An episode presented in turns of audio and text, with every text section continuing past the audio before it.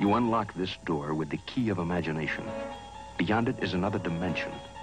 A dimension of sound. A dimension of sight. A dimension of mind. You're moving into a land of both shadow and substance, of things and ideas. You've just crossed over into the Twilight Zone.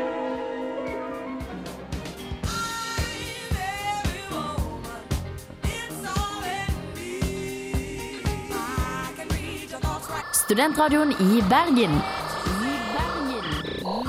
Velkommen til Vitenskapsfolkens. Jeg er Dina, og jeg sitter her med Merete her i dag. Og i dag så skal vi snakke om glemte kvinner i vitenskap. Og hvem Ja, eller litt oversette kvinner, da. Ja, oversette kvinner. Eh, og vi har da ikke med noen menn i dag, for de hadde jo bare glemt oss uansett. Ja. vi skal ta opp flere forskere, vi skal ta opp en del matematikere. Astronomer har vi. Eh, kriminolog. Ja, ja, en kriminolog. som En kriminolog. Ja. Og vi har vår eh, fantastiske Cecilie Kro Thoresen Krogh Ja. fra 1800-tallet, som vi skal eh, ta opp rett etter den, uh, ville jeg sagt, den nye svenske feministrapperen Silvana Imam. Fantastisk. 'Svar på min mamma' heter den her. Kos deg, vi ses snart. Og Silvan Imam med 'Svar på din mamma'. Velkommen til Vitenskap her på Studentradioen i Bergen. Du snakker med Dina og Merete. Og i dag så snakker vi om uh, oversette kvinner i vitenskapen. Uh, ja. Oversette, altså ikke oversatte. ja, altså folk har en tendens til å bare huske mennene av en eller annen grunn. Vi er her for å eh, rette på det. Eller, som jeg nå kommer fram til, uh, Cecilie Thoresen Krogh, Ja. som eh, måtte kjempe en del for å få lov til å studere, faktisk. Ja, viktig foregangskvinne for ja. utdanning. For Cecilie Krogh, eh, Thoresen Krogh, er født i 1858 og døde i 1911, så det her var jo på 1800-tallet. Og eh, det var jo ikke full adgang til kvinner på universitetet før i 1884. Det stemmer. Det stemmer. Ja. Og Cecilie Thoresen Krogh kom inn på universitetet i 1882. så det er ganske spesielt, for Ja. hun var den første kvinnen som er eh, litt, faktisk fikk lov til å komme inn i det hele tatt. Ja, med litt god uh, egeninnsats så fikk hun det til. Hun gjorde det, og uh, altså, hun var den første kvinnen som da tok eksamen artium. Um, og også den første kvinnelige studenten, og hun startet det da 8. september eh, i 1882. Det er jo ganske gøy. Og 8. september, nå sier jo ikke det, men hun er en veldig stor eh, norske kvinnepioner. Sakspioner. Kvinnesakspioner. Ja. Hun, hun har vært i ekstremt eh, Eller en del eh, kvinnestyre. Ja. Og eh, har alltid kjempet for kvinners eh, gang. ehm, i, Godt forbilde, rett og slett. ja, hun er absolutt det. Og hun blir jo tatt veldig mye opp eh, 8. mars, f.eks. kvinnedagen. Ja. I eh, Norge, og en aktiv, eh, aktiv dame var hun i hvert fall før. Ja, det er veldig relevant, fordi mange av de kvinnene vi skal snakke om nå, de har måttet eh, jobbe litt ekstra for å komme inn i utdanningssystemet. Ja, de har det. Og For jeg leste litt om henne, og hun hadde Altså, beste fagene sto det i hvert fall at det var matematikk.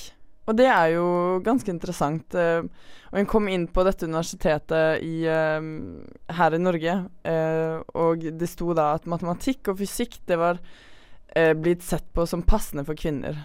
Um, realfag var det som kvinner kom inn på. Um, jeg, jeg trodde det var sånn at uh, alle hadde en sånn illusjon om at kvinner ikke fikk det til.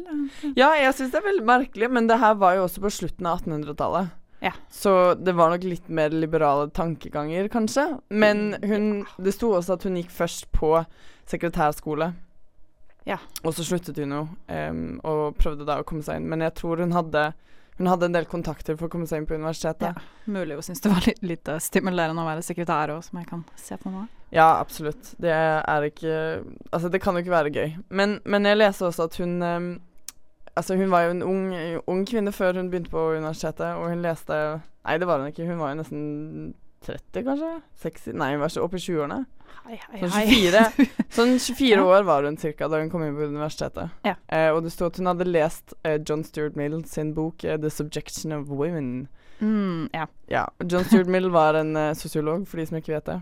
Em, kanskje han skrev litt nedverdigende om kvinner. Jeg ser for meg at det generelle synet på kvinner kanskje var litt uh, feil uh, på den tiden. Litt kontroversielt. Ja, det er mange som trodde at kvinner ikke hadde godt av utdanning fordi hodet deres simpelthen ville eksplodere.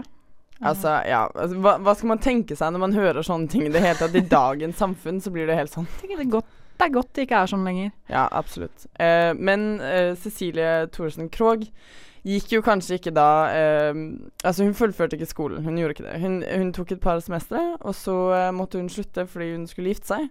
Ja. Og da fikk hun jo barn, eh, og hun skrev jo også en uttalelse om det her. Om at hun, hun trodde virkelig at hun hadde klart å være alene Altså, nei, småbarnsmor og student samtidig. Ja, nei, jeg ser for meg på den tiden at det var helt uh, fremmed tanke at menn skulle ta hånd om barna, så det var jo helt naturlig at hun Ja, nettopp. hun skrev at det var helt umulig. Um, men ansvaret. Ja, så hun uh, Cecilie Thoresen Krogh ikke Var ikke kanskje en oversett kvinne i vitenskap, hun er en veldig viktig forbilde for hvert fall kvinner i Norge i dag, og en, en person som virkelig kjempet for den utdanningen du og jeg tar i dag. Ja, og hun var den første i Norge, så det er kjempeviktig. Det er det. Ja. Vi kommer tilbake igjen og skal snakke om Emmy Northur, som var en eh, matematiker og programmerte mye. Eh, nei, hun var tysk matematiker. Uh, teoretisk matematiker. Da så, beklager. Her kommer Ghost med bandet Taked Maidsa.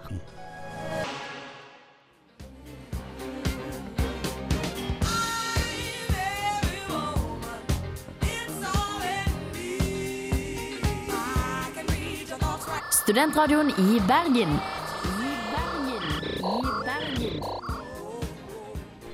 Velkommen tilbake igjen til Vitenskap på Studentradioen i Bergen. Jeg er Dina, jeg sitter her med Merete, og vi snakker om oversette kvinner i vitenskapen. Ja. uh, nå skal jeg ta opp en som heter uh, Jeg vet faktisk ikke helt hvordan jeg skal uttale det, for hun er tysk. Emmy Nerter. Eller du sa det veldig fint. Noerter. Noerter. ja. Men det hørtes litt spansk ut, men det får være. Ja, hun er tysk i hvert fall. Veldig kjent i Tyskland, tror jeg. Um, er født i 1882 til en familie Altså, faren var matematiker, så hun vokste jo opp med mange kjente matematikere i sitt hjem. Altså, det var jo del av fiffen, naturligvis. Det hjelper jo alltid. Ja, Uh, og så ble hun utdanna til å bli fransklærer uh, Nei, fransk- og engelsklærerinne. Men hun bestemte seg for at nei, hun hadde lyst til å gå på universitetet og studere matte.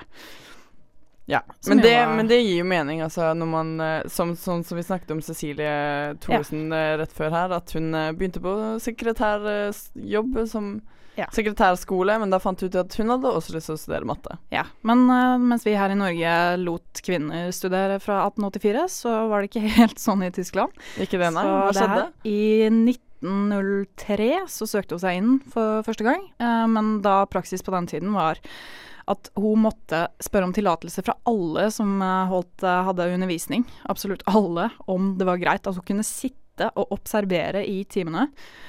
Og når hun fikk tillatelse til det, så holdt ikke det. Hun måtte igjen spørre om tillatelse fra absolutt alle sammen om hun kunne ta eksamen. Hun, hun måtte spørre om hun kunne ta eksamen selv om hun hadde gått hele kurset. Ja, Sånn at, uh, så det betyr at hvis noen hadde hatt et problem med henne, syntes hun var irriterende under forelesningsperioden, så kunne de skrevet under på at de ville ikke at hun skulle ta eksamen. Ja, men heldigvis var det ikke så smålig, så det gikk bra. Eh, hun tok eh, eh, opptaksprøven med glans, med tanke på at kvinner, ja, jenter ikke fikk samme utdanning som gutter på den tiden, så hun måtte lese seg opp til alt selv. Det er ganske vanskelig. Hva mener du med at hun måtte lese seg opp til alt selv? Altså, jenter fikk vel mer sånn språk og musikk og den typen utdanning. eller eller Ja, så skole. klart. Ja, folkeskole, Eh, altså. Ja, så klart, for videregående ungdomsskolen var vel forskjellig allerede da også. Så, men dette her fiksa hun helt på egen hånd, og hun viste seg å være ekstremt dyktig innenfor matematikk. Eh, Jeg skal ikke komme med alle de her kjedelige opplysningene om hvor mange utgivelser hun hadde, og hvor, ofte, eller hvor mye hun ble publisert, men i um, se, i 1907 så fikk hun sin ph.d. i uh, Doktorgrad for andre. ja. Jeg har bare det engelske. Al algebraic variance heter det på engelsk, så jeg vet ikke helt hvordan jeg skal oversette det til norsk. Hva er det for noe doktorgrad i? Algebra. Algebra. Ok, Ja. det er jo dritspennende. Ja. Jeg synes, det Um, liker jeg òg. ja. Så hun eh, ble ønska jo naturligvis å undervise og ha forelesninger og sånn, da. Så hun ble Hun ble invitert av to matematikere til å bli med på et uh, prosjekt. Men der måtte hun også spørre om tillatelse fra alle som jobba der. Og de motsatte seg. Ikke de som holdt på med matematikk, men de som holdt på med andre grener av filosofi. På den tiden så var matematikk en del av filosofien, mener jeg å huske. De var på samme fakultet. Ja. Mest sannsynlig, ja. Ja. Um, så Men de ordna det, så hun fikk lov å ha en uh, tittelløs stilling, tror jeg. Tror hun bare gikk for postdoc eller et eller annet sånt noe tøysete. Ulønna, naturligvis. Og så reagerte de på at hun eh, skulle holde forelesninger, for hun hadde jo holdt noen forelesninger som erstatning for sin far, og ja, i regi av å være den matematikeren hun var. Ja, altså det, har, har du en doktorgrad i matte, så er du ganske flink i matte. Og, Ja. og spesielt hvis det er faren hennes, så har de jo sikkert diskutert forelesninger på forhånd. Det burde være greit. Ja, men de satte seg på bakbeina, så hun måtte holde forelesninger under eh, falskt navn. Så hun brukte navnet til en av kollegaene sine med hans tillatelse. De ordna det for henne. Så hun holdt forelesninger under hans navn, da. Eh, så Hvem? var det hun som snakka. Oi, wow, ok. Ja. Så helt frem til eh, 1918, tror jeg det var. Uh, altså Argumentet var jo at uh, stakkars disse mennene som skulle komme hjem fra krigen og se en kvinne, bli undervist av en kvinne. Ja, absolutt. Herregud. Skandale. Så ja. Uh, men hun gjorde ganske mye viktig i, innenfor algebra. Og så kom jo naturligvis uh, i Tyskland nazismen på 30-tallet. Og hun var jødisk. Ja. Så etter Oi. litt frem og tilbake så endte hun opp uh, i USA. OK, gud. OK, det er bra. Ja, hvor hun endelig da fikk et uh, betalt, en betalt stilling på et uh, universitet Det eller college. er godt å høre at USA var uh, muligens lenger foran enn de andre. Ja, men hun døde ung. Men uh, altså, hun fikk jo lovprisninger fra Einstein og alle mulige kjente. Hun var ekstremt dyktig Wow. på toppen av sitt felt. Så. Vel, uh, kudos til Emmy Noerter. Her kommer Trollsex og Trollguten med Maya Helders. Det var Trollsex-sanglåten med Trollguten. Trollsex-sanglåten. Trollsex-sanglåten. Altså, ja, hvem er det som kaller det Ja, uansett. Velkommen til Vitenskap. Dette er eh, på Studentradioen i Bergen. Jeg heter Dina. Jeg sitter her med Merete. Yep. I dag så snakker vi om oversatt, oversette kvinner. Oversatte kvinner. Oversatte kvinner. Jeg tror de fleste av disse kvinnene faktisk har blitt oversatt, uh, for de har skrevet en del bøker. Um, Ja, det er, ja, sånne I dag artikler. I dag så skal vi i hvert fall snakke om Cecilia Payne Kaporsken, som er en britisk-amerikansk astronom. Mm. Og eh, jeg husker veldig godt første gangen jeg fikk vite om hvordan um, Ja, en, en teori til Big Bang, da. Eh, det er vel Big Bang-teorien, kanskje. Eh, om det om at det er ekstremt mange støvpartikler eh, rundt om i hele universet som bare ble tiltrukket av en eller annen eh, sterk greie. Kreft, ja. Kraft eh, med masse helium og hydrogen, og så poff, eksploderte det på et eller annet tidspunkt. Ok. Ja. Eh, og Cecilia Payne Koporskin er jo en av de som eh, var grunne- grunnleggeren for denne teorien. Oh. Og det er veldig spennende, fordi hun eh, var den første til å vise da sammensetningen av stjerner, og hvordan dette skjer ho hovedsakelig da med overflod av hydrogen og helium. Ja. Og det var jo noe de ikke trodde på i det hele tatt på denne Ja, tiden. Altså starten av regne ut. 1900-tallet. Ja. Nei, absolutt ikke. Uh, og interessen for astronomi startet allerede da hun var ung, for hun var på en forelesning av en fyr som heter Arthur Eddington. Mm, Som ja. eh, Ja, du vet kanskje hvem det er? Mm, Vag rendring sånn langt bak i arkivet et eller annet sted. Ja, for han testet ut Han var i uh, Afrika, spesielt Sør-Afrika, og testet ut um, Einstein sin relativ, generell relativ teori. Eh, ja, han Einstein kommer tilbake i mange Ja. Men mange som tester ut teorien hans, tror jeg, for å si det sånn. Yeah. Men hun i hvert fall var på denne forelesningen, og, og um, teorien til Arthur Eddington, eller det han ville gjøre i Afrika, var egentlig bare å observere og fotografere stjerner ved solformørkelse.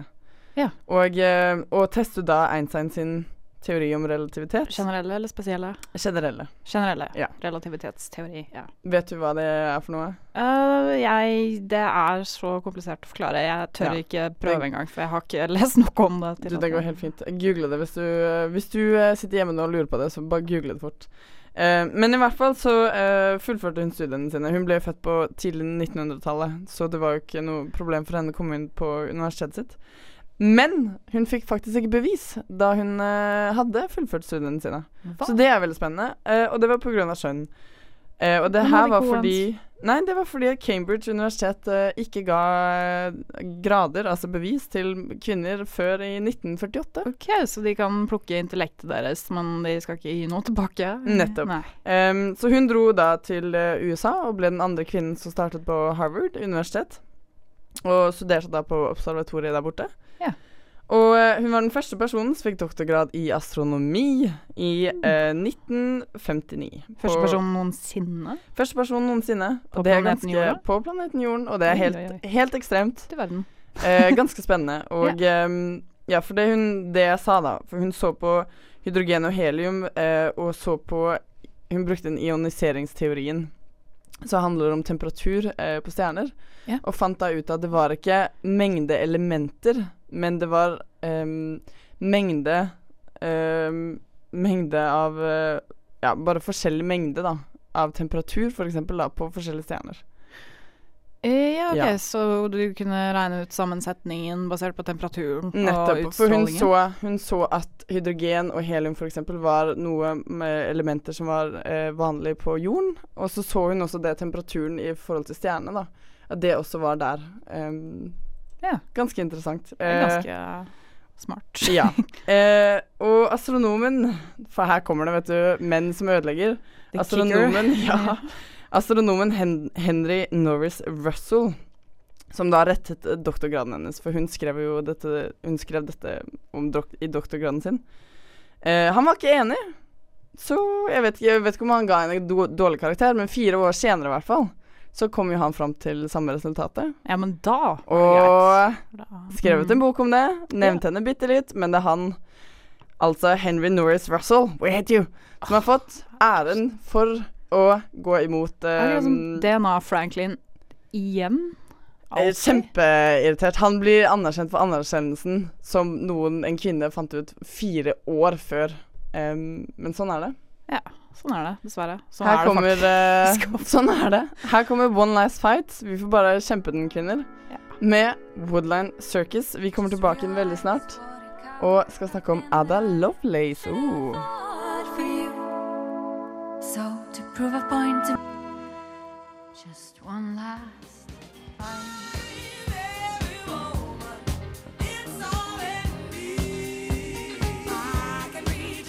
Studentradioen i Bergen. I Bergen. I Bergen. Velkommen til Vitenskap på Studentradioen i Bergen. Jeg heter Tina. Jeg er her, her med Merete, og vi snakker om oversette kvinner i vitenskapen. Eh, Nå har vi kommet til en uh, veldig interessant person som heter Ada Lovelace. ja, eller Ada, som hun Ada. Uh, Ja. Hun, eh, hun er altså britisk og datter til eneste datteren til lord Byron. eh, En kjent poet og veldig flamboyant fyr. eh, Kvinnebedårer, mannebedårer også. Heldig datter. Ja. Men eh, veldig sett opp til, altså. Han var sikkert en fin fyr. Eh, ikke poenget her, men uh, ja. Hun var uh, Hun fikk aldri møtt han, da, dessverre. Og ekteskapet hans med hennes mor var ikke veldig lykkelig. Så her er en liten greie som er annerledes for Ada Lovelace. Det er at hun ble oppmuntret til å studere vitenskap og matematikk og fysikk og musikk og alt det der. Hvem var det hun ble oppmuntret av? Sin mor. Sin mor. Hennes mor Det er ikke feil å si at hun hatet sin eksmann. Um, Ville at barna barnet skulle gå i en helt annen retning enn Ja. og eh, Ja, hun ville unngå at barna skulle bli som sin far.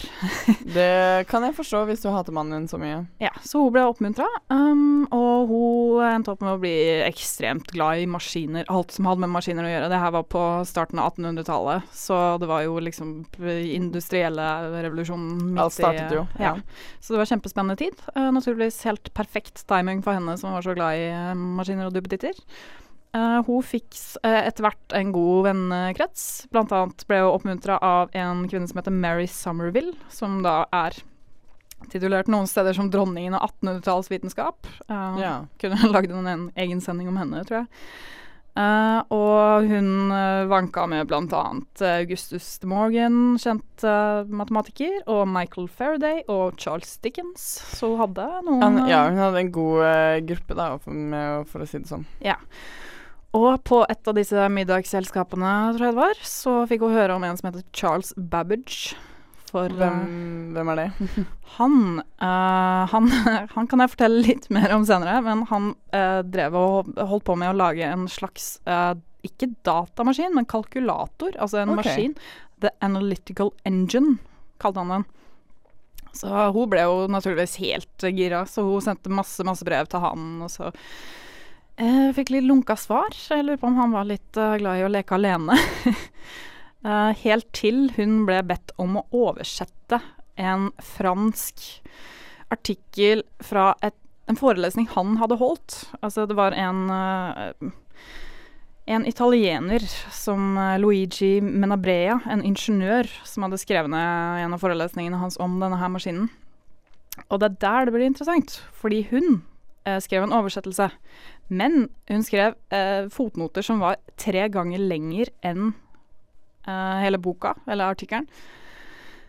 Så det OK, så hun skrev Hun la på ekstra informasjon fordi hun, hun visste mer enn han? Er det det Eh, ja.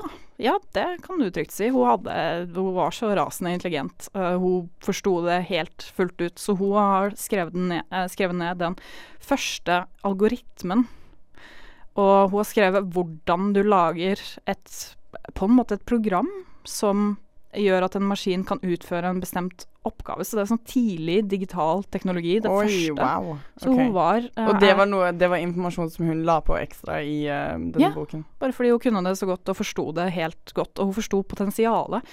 Uh, Charles Babbage var jo bare opptatt av det maskinelle, det tekniske, men mm. hun så potensialet, så hun skrev at det kunne bli brukt til å lage musikk og alt, til og med tekstiler og alt mulig. Bare så potensialet til å kalkulere mønstre. Syk savant, utføre- nesten. Ja. Utføre oppgaver og avanserte matematiske regnestykker. Så ja. Men uh, det interessante med Charles Babbage var jo at han uh, Du vet, i uh, På 1790-tallet så var jo Napoleon Han skulle få Frankrike til å gå over til det metriske systemet. OK, hva er det metriske systemet? Det er tallsystemet vi bruker her i Da så. Eh, eller kanskje ikke tallsystemet. Ja, uansett. Uh, man skulle lage sånne her matematiske tabeller, så han fikk en gjeng med frisører, for de var det jo ikke noe bruk for lenger etter uh, liksom fiffen hadde falt. De trengte jo ikke de digre parykkene sine lenger. Så frisører som har nitid arbeid, møysommelig arbeid med å regne ut alt det her, de, de brukte ti år på å lage disse matematiske tabellene. Og så gikk det Veldig begavede frisører, da. Herregud. ja, jeg tror ikke det var noe sånn spesielt avansert, men det var veldig tidkrevende. Så ja. Eh, Men det ble lagt på hylla helt til Charles Babbage fant dette her i 1819 og fant ut at han ville lage en maskin som fikk det til istedenfor. Så han lagde denne maskinen av eh, Uh, verken han eller Ada Lovelace fikk noensinne laga den maskinen i løpet av sin levetid. Men menn? Alan Turing brukte det hun skrev, blant annet, i sin, da han lagde Enigma. Så ja. Wow, OK. Men hun fikk anerkjennelse for den boken hun oversatte, eller? Ikke da, ikke av Charles Babbage. Han likte som sagt å leke alene, så det endte ikke så bra. Sånn skjer.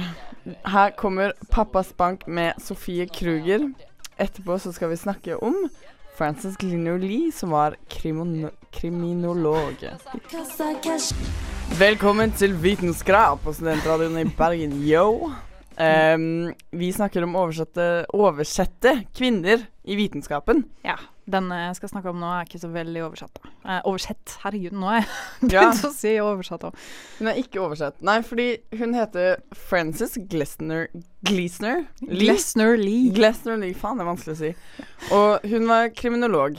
Eh, Ja, hvilket eller- tidspunkt var det hun var kriminolog? Eh, hun var ikke formelt utdanna, men hun var sosietetsdame. Altså arving og kjemperik, og debutant og alt. Men uh, hun ble Men på hvilket tidspunkt var det? Uh, Hun ble født i 1878 i uh, Uniten. Chicago eh, og New Hampshire-området bodde hun i sitt uh, liv. Okay. Så ja. Men hun ble ikke oppmuntra til utdanning. Hun fikk beskjed om at en kvinne burde ikke vite noen ting om kroppen, for hun var interessert i lov og medisin. Naturligvis. Ja, Så ok. Burde bare- ikke vite noe om kroppen? Hva slags Ja, OK. Jeg tenker man har jo et minimumskunnskap når man har en kropp. Uansett, ja, Eh, man er vel litt nysgjerrig, kan man tenke seg. Ja, Men hun var veldig opptatt av det, da. Så, men hun fiksa etter hvert i løpet av livet, bygde hun seg opp en enorm krets av mennesker og donerte mye penger til Harvard for å Være med å leke. ja, bygge Harvard Department of Legal Medicine. Altså, hun hadde en person som heter Oi. George Burgess McGrath, da, som hun ble inspirert av. Hun var så rik, ja, OK. Ja, hun var steinrik. Eh, men hun hadde fantastiske middagsselskaper og alt mulig for etterforskere og alle som holdt på med det her. Endelig noen som gjør det for etterforskere nå. Det Ja. harde arbeidet som de driver med på. Ja, men hun, ble, hun, hun var litt av et pedometer. Hun var kjempedyktig og sugde til seg all informasjon og alt mulig. Og så hun ønska å uh, forbedre teknikkene og gjøre at de samarbeider mer. Fordi før Forbedre teknikkene på hva da? Eh, åsteder, f.eks. Okay. Eh, før så var det jo sånn at alle skuelystne kunne jo bare gå inn på åstedet og trampe rundt og ta på ting og se på lik og alt mulig. Det var jo ingen system, og man bestemte jo- seg gjerne på forhånd for hva man skulle se etter, så man overså viktige detaljer eh, hele veien. Det var helt kaotisk uorganisert. Det hadde vært forferdelig hvis noen hadde gjort det på Bones nå, liksom. Ja. eh, hun har nok muligens vært en inspirasjon for mange. Um, og før så hadde jo ikke rett, det vi kjenner som rettsmedisiner, da, han som kommer og tar eh, kroppen og undersøker den, da.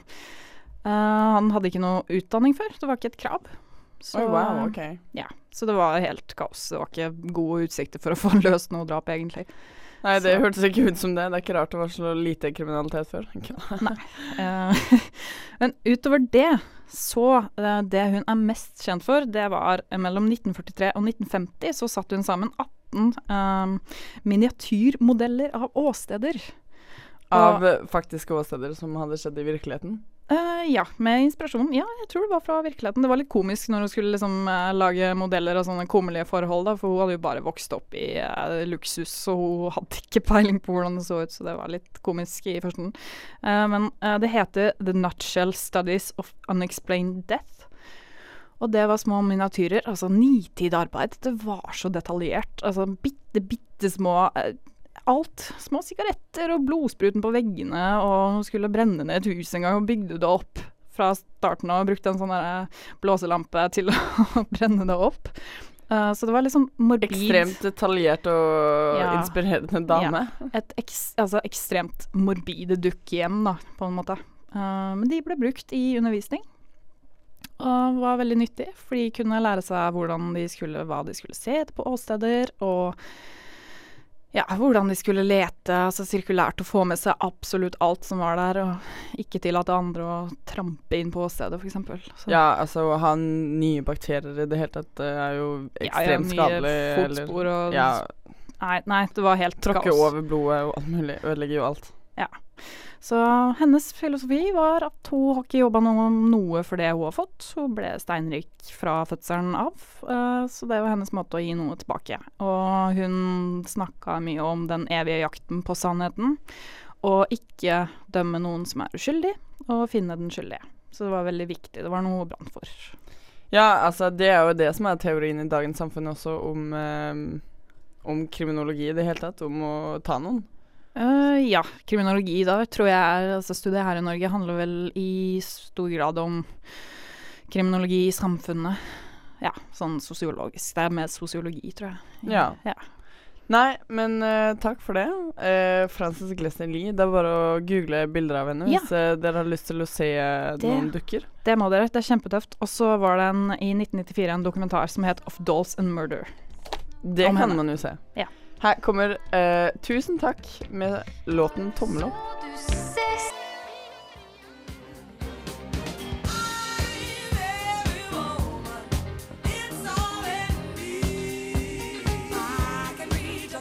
Studentradioen i Bergen. Velkommen tilbake til Vitenskap. Jeg heter Dina. Jeg er med Merete. I dag så snakker vi om oversette kvinner i vitenskapen. Vi har da ingen menn med oss, fordi de hadde jo bare glemt oss. Så det er veldig fint. Um, og vi, skal, vi har snakket om en del forskere nå, eh, en del eh, viktige kvinner i løpet av eh, vitenskapen, og hvordan Ja. de har blitt overtrampet litt over menn. Ja, men saken er at jeg tror det fins en del av de.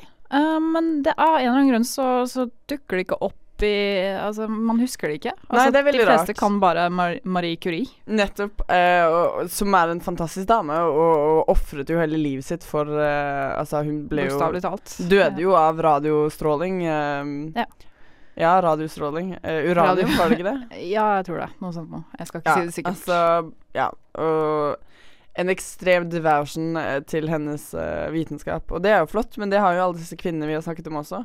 Ja, Det er Altså, ikke noe feil med intellektet. Så det er ikke noe Det er akkurat det samme. Man Nei. er bare mennesker til syvende og sist, så det er helt hårreisende at eh, kvinner har blitt så forskjellsbehandla.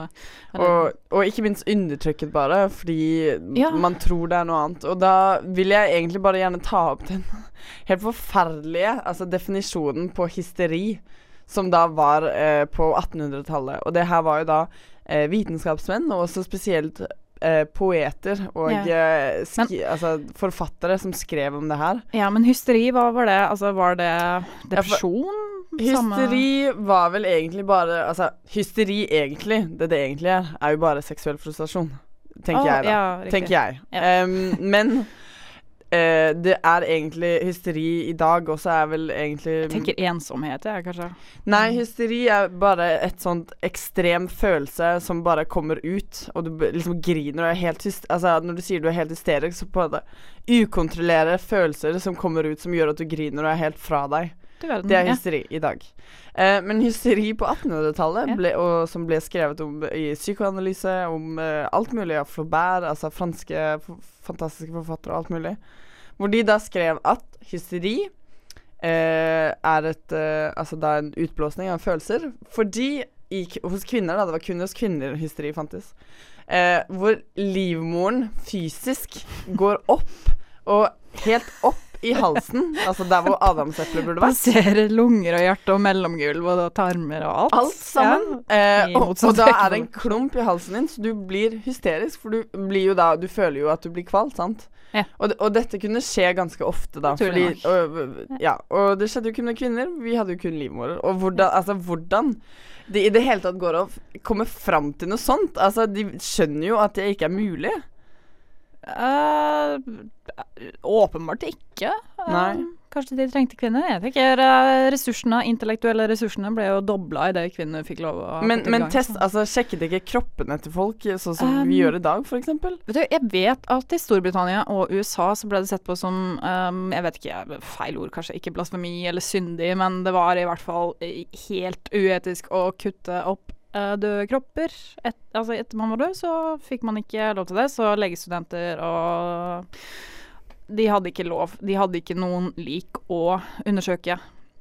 Så det var jo selvfølgelig noen som gikk på kirkegården og gravde opp nye ferske lik, da. Tenk deg det på studiet ditt. eh, første dag på studiet. Ja, nå skal vi grave opp dette liket. Ah, herlighet. Men kan, altså bare tenk deg Om det hadde vært mulig, da. Om det hadde gått an å se i kroppen, og de hadde skjønt at oi, det, ikke, det går ikke an å ta opp livmoren. Hadde de klart å koble det? Kanskje de tenkte ja, naturlig nok, selvfølgelig klarer det lille organet der å krype opp. ja, Det er jo kvinner. Nei, Kanskje, altså. kanskje de ikke turte å undersøke kvinner? Jeg vet ikke. Det var jo bare menn som Ja, det kan jo godt hende. Uh, vi får jo aldri vite det heller. Altså på hvor Altså ikke sånn IQ, men jeg bare tenker sånn Hvorfor var det en så stor tankegang? Men sånn var det.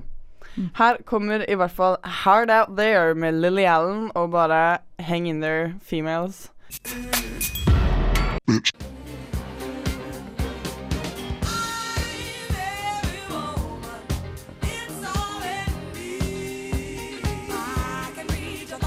Studentradioen i Bergen. I Bergen. I Bergen. Velkommen til Vitenskap på Studentradioen i Bergen. Og velkommen er feil ord, for jeg må si ha det. Vi er Ja. på slutten av vår sending. Sverre? Jeg heter Dina, jeg har vært sammen med Merete i hele kveld. Yes. Og vi har snakket om oversette kvinner i vitenskapen. Ja, mange. Jeg hadde veldig mye å si, eh, ser jeg nå i ettertid. Så det Men er ganske mye altså, gøy når man skal snakke om en person på fem minutter, og alt det de har gjort, og alle kampene deres Åh, det går ikke an. Det går er ikke an. Ja, det er så mye jeg ikke har fått med, dessverre. Det er det. Og um, vi vil bare nevne de med en gang, uh, alle de vi har hatt. Vi har uh, Først uh, så gikk vi gjennom Cecilie Thoresen Krogh, som var vår kvinnesakspioner, nærmest. Hun var den første kvinnen på universitetet i, i Norge. Ja. Det er veldig bra. Ja. Og så hadde vi Emmy Noerter, som var matematiker. matematiker. Veldig dyktig en sådan. Ja, vi hadde Cecilia Pine, som var astronom, og vi har hatt Ada Lovelace, Yes. som var uh, Den første dataprogrammereren. Altså i teorien. Ganske- i teorien, ja. ja. hun, For- hun formulerte det første, den første algoritmen. Vi har også Frances Glesner Lee, som var en sykt rik person som elsket uh, åsteder, og som har Kriminologi. Har gjort Ja. masse for feltet. Absolutt. Og så snakket vi litt om uh, hysteri og så videre på slutten. Om du har lyst til å høre på dette igjen, så må du bare gå inn på uh, podcast, nei, strib.no slash podcast, og du finner oss vitenskap der. Ja. Eller på iTunes også. Om det er noen stipendiater der ute som også hørte at jeg eller Merete sa noe ekstreme feil, Ja. så er det bare å sende melding Ja, på facebook.com kontakt. Slash vitenskap.